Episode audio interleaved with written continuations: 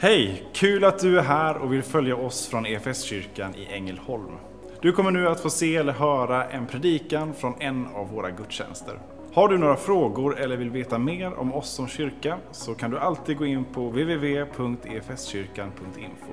Vill du ha tillgång till mer undervisning eller ta del av våra inspelade konferenser eller gudstjänster gå gärna in på vår play-kanal efskyrkan.tv. Nu ska vi lyssna på denna veckas predikan.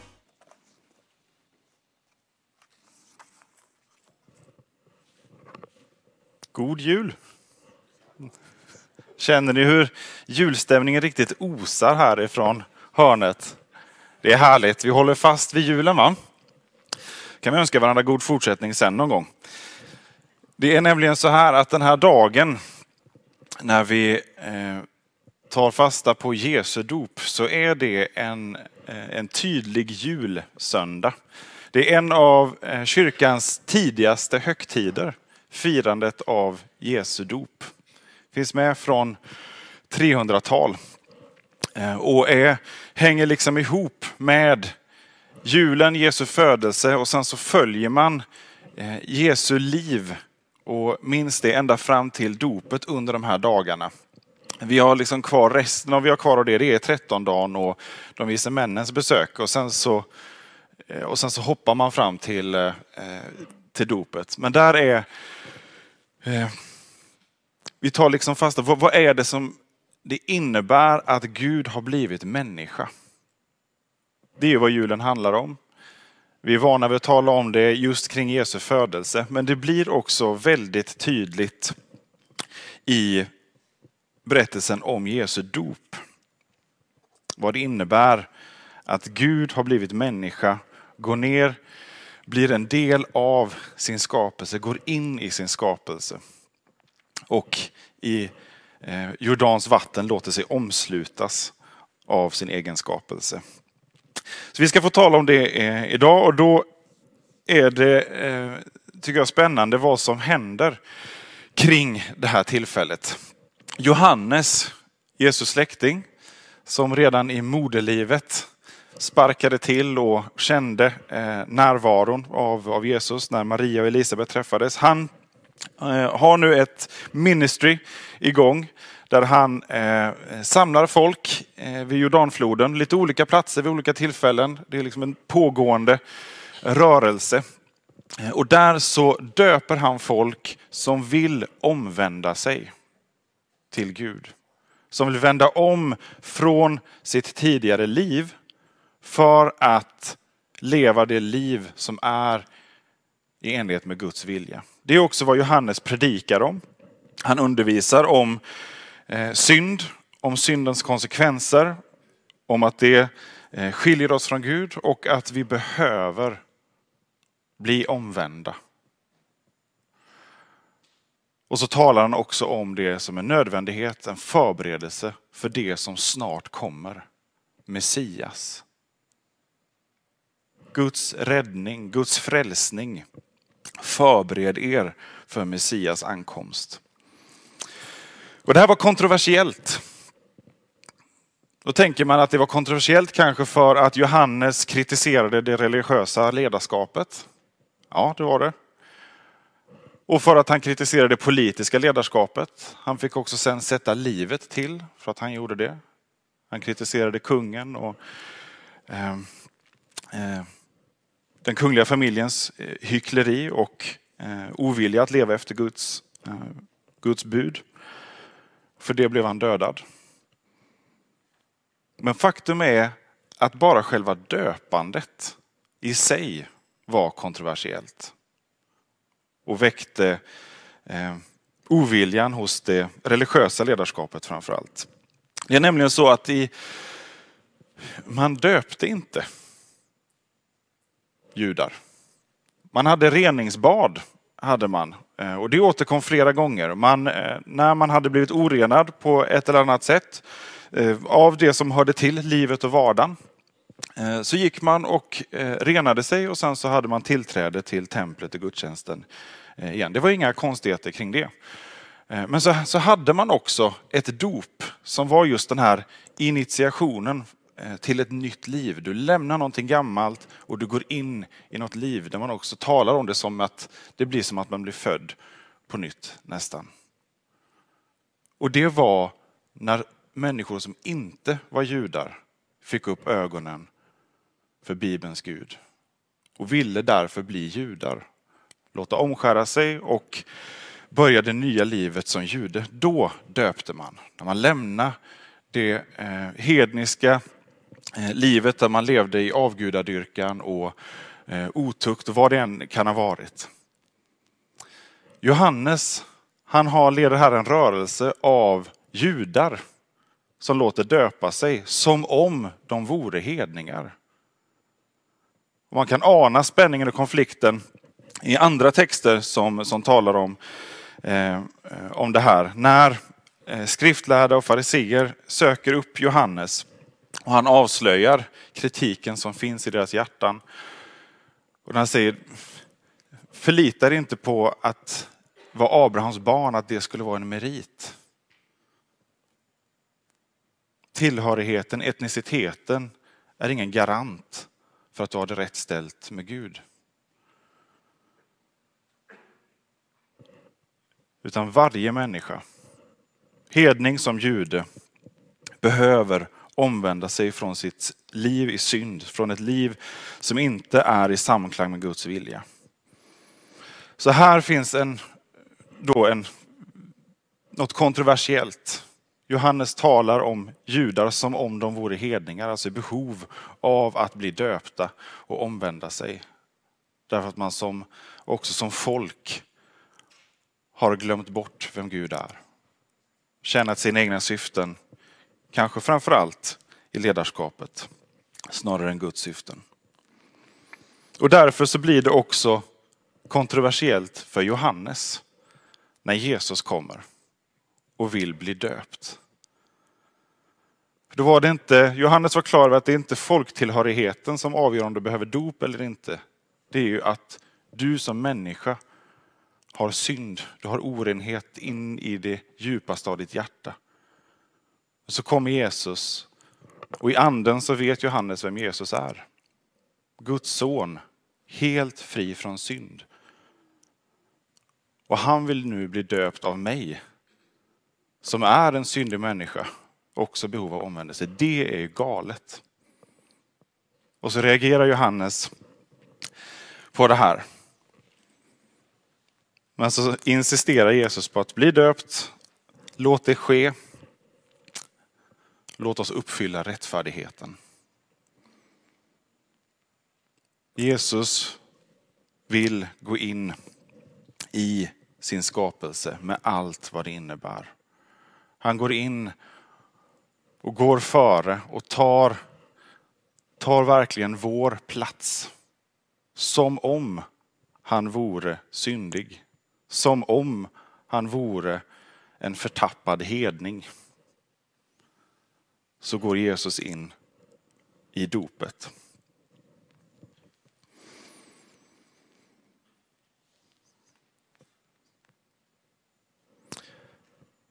Jesus gör det här helt utan synd. Han gör det som om han hade synd. Och han gör det därför att vi som inte har någon rättfärdighet, inte har några meriter inför Gud, ska få bli som om vi hade det. Här sker ett byte. Och att Jesus döps och går in under de här villkoren, de här förutsättningarna, det blir då någonting som också förebådar det som händer på korset. Att Jesus går in i det som är vårt, det som är våra förutsättningar. Och det blir också ett sätt där Jesus bekräftar Johannes tjänst. När du låter dig döpas, ja då böjer du dig inför eh, den personen som, som döper dig och symboliskt då alltså går in under det, den läran, det som predikas om det här dopet. Så Jesus ger också legitimitet åt Johannes undervisning, Johannes tal om nödvändigheten att omvändas. Han ger legitimitet åt det som också då var väldigt kontroversiellt. Johannes han predikade, det var hårt tal. Det var skarpa ord. Han avslöjade synd där man försökte gömma den och han, han talade om höga och låga som förlorade i sig själva. Och människor kom i stora skaror. Man kom i stora skaror därför att man såg och kände igen i sitt eget liv att det här är sant. När Johannes talar om synd och omvändelse så för många blir det avskräckande. För många kanske man blir då kränkt. Men för stora skaror så får man ett styng i hjärtat och inser, ja men så här är det ju. Det är ju så här i mitt liv. Jag håller inte måttet, hur jag än försöker. Hur jag än strävar efter att eh, leva upp till, om det så är fariseernas eh, standard i skrifttolkningen eller om det är mina egna. Jag tänker, jag vet inte vad det, är vår, vad det finns i våra liv men vi, eh, och i vår kultur som då är helt sekulariserad och icke-religiös, men vi sätter ändå upp enorma standarder eh, för vad som är ett gott liv. Och i ett försök att, att utradera både skuld och, och sådär så kanske man inte längre talar om det, men det blir ändå något underförstått outtalade koder som det är ännu svårare att få grepp om. Och varje individ ska försöka orientera sig för vad som är ett rätt och gott liv. Vad är en ond människa? Vad är en god människa? Hur passar jag in i den goda mallen? Utlämnade åt oss själva så kommer vi inse att det går inte. Jag håller inte för det. Och rätt som det är så kommer jag också inse att jag inte håller måttet i andras ögon utifrån de olika ideologier och standarder som finns. Men framför allt så behöver insikten komma att vad jag än gör så håller jag inte måttet inför Gud. Jag är ingen god människa. Efter århundraden av talet om människan, humanismen med tron på människan som har en enorm inneboende potential och där utvecklingen och evolutionen bara eh, formar det till något bättre och bättre och bättre så borde vi vara på topp i vår värld nu. Med all utveckling. Världen borde flöda över av goda, generösa människor.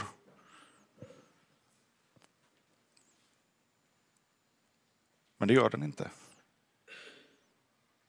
Därför att vi har en sjukdom, ett problem, ett, nej men det är som ett, det är ett nedärvt fel i oss.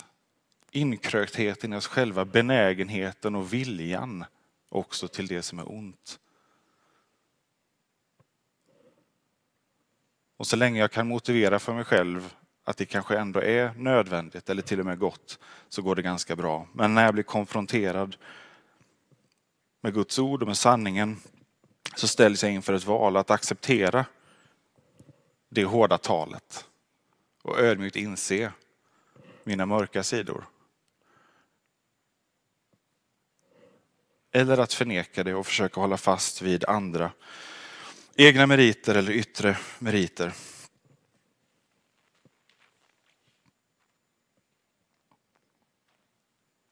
Och jag undrar om vi är, är vi beredda att drabbas av samma syndanöd som de människor som sökte sig ner till Jordanfloden. Som snubblade och kravlade ner längs stenarna, ner i vattnet i den heta grytan och dalgången för att få höra det hårda talet, men det sanna talet. Om hur allvarligt läget är med människans hjärta. Det är bedrägligt. Varför sökte sig människor dit? Och varför fortsatte människor att ta med sig till Johannes, ta med eh, vänner till Johannes? Därför att talet inte slutade där. Därför att det inte slutade ner i vattnet. Det var inte så att Johannes tog dem, sänkte ner dem i vattnet och så var det färdigt. Utan det var också en väg upp. Johannes predikade också om en väg igenom. Det kommer någon som är större än jag. Och jag är inte ens värdig att knyta upp sandalremmarna på hans sandaler. Människans synd är ett allvarligt problem, men Gud har en väg genom det här. Och så kommer den här dagen då Jesus kommer. Och vid ett annat evangelium får läsa hur Johannes ropar och predikar till folket. Se Guds lamm som tar bort världens synd. Där kommer lösningen. Men inte ens Johannes, den store profeten, förstår vidden av det. Och Guds lamm kommer.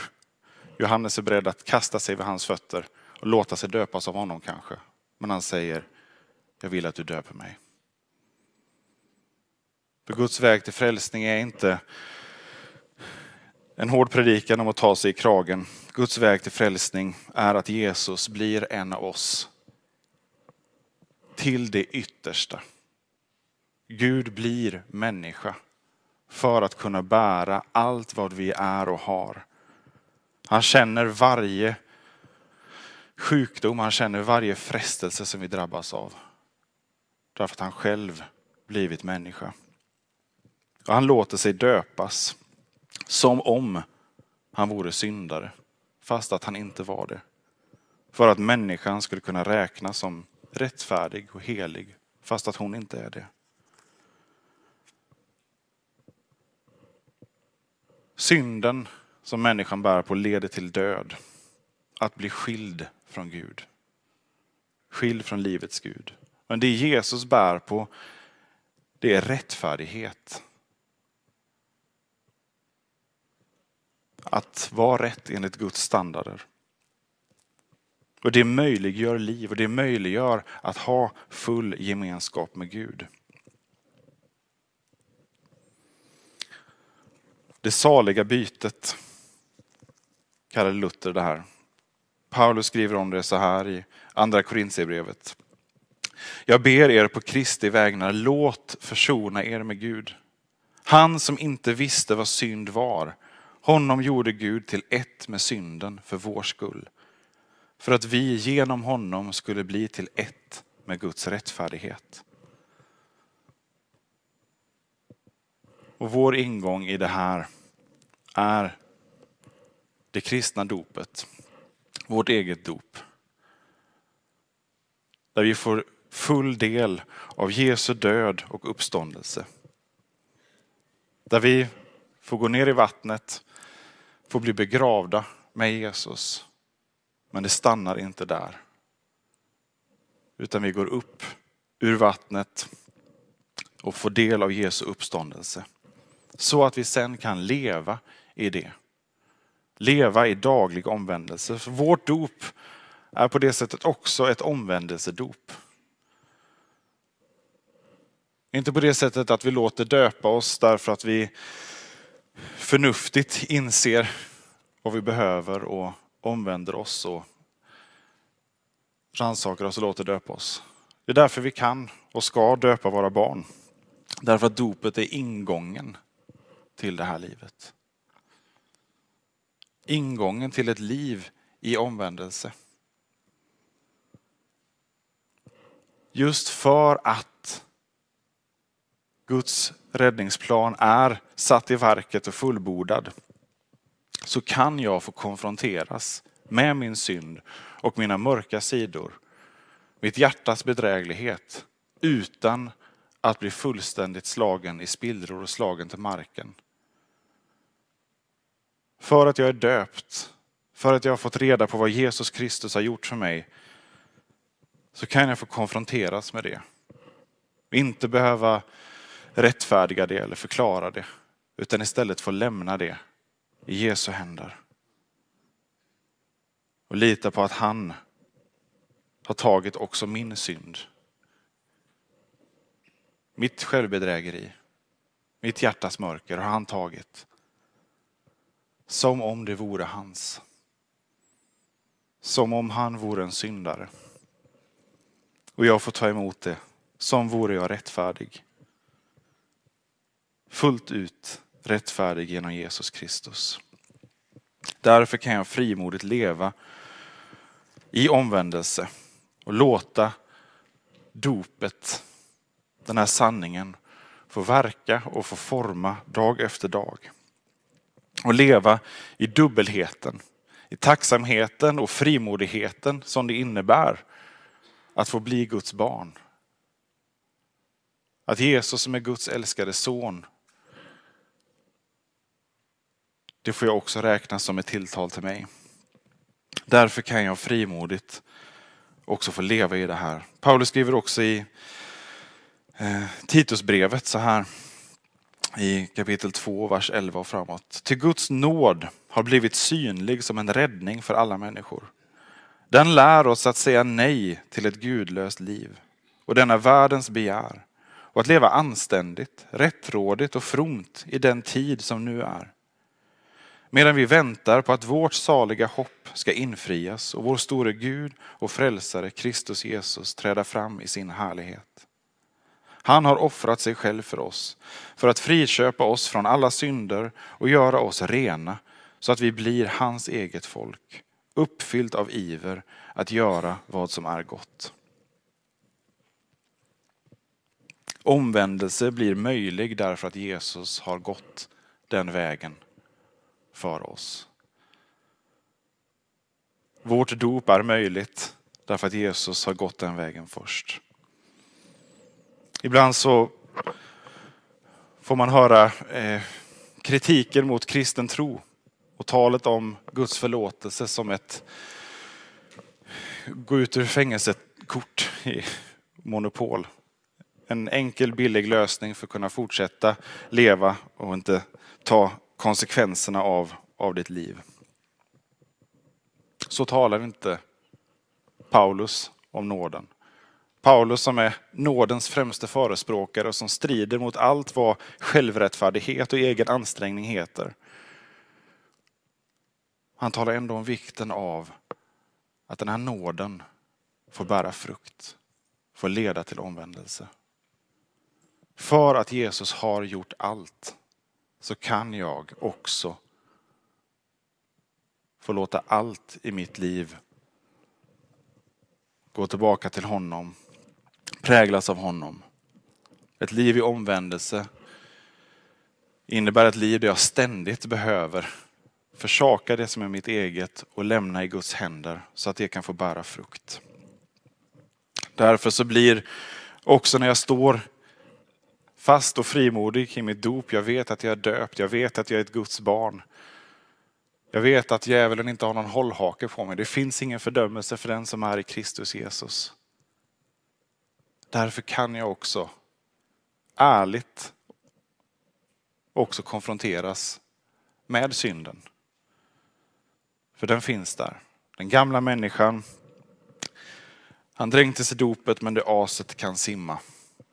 Som biskop Gerts sa.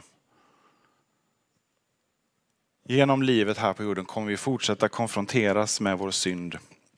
Därför behöver vi den dagliga omvändelsen. Men vi har världens bästa ingång i det. Grunden är lagd, allt är gjort.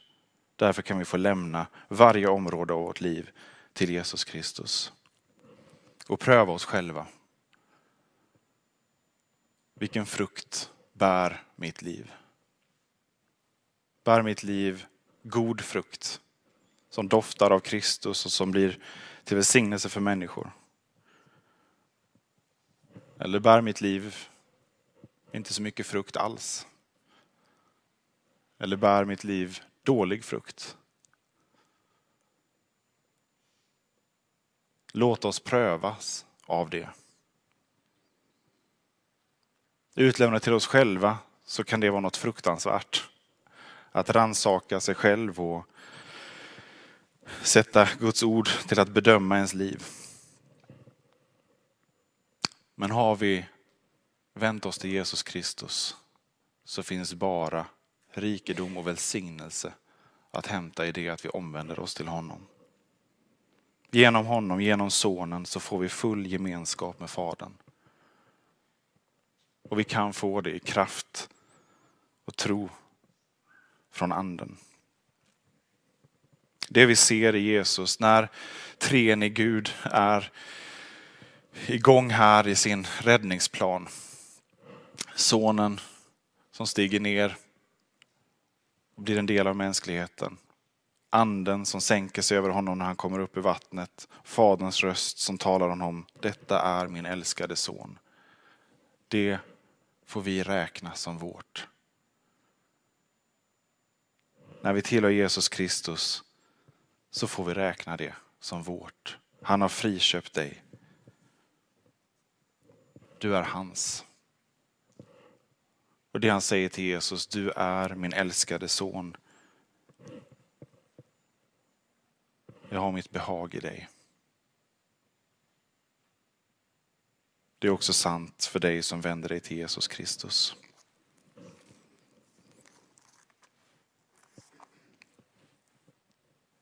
Jag avslutar med att läsa den gammaltestamentliga texten igen från Jesaja 43. Nu säger Herren, han som har skapat dig Jakob, han som har format dig Israel. Var inte rädd, jag har friköpt dig. Jag har gett dig ditt namn och du är min. När du går genom vatten är jag med dig. Vattenmassorna ska inte dränka dig. När du går genom eld ska du inte bli svedd. Lågorna ska inte bränna dig. Jag är Herren, din Gud. Israels helige är den som räddar dig. Jag lämnar Egypten som lösen för dig, jag ger Kurs och Seba i utbyte. Du är dyrbar för mig. Jag ärar och älskar dig. Som kyrka är det en glädje att få spela en liten roll av allt Gud gör i och genom ditt liv. Vi vill gärna fortsätta följa dig på den resan.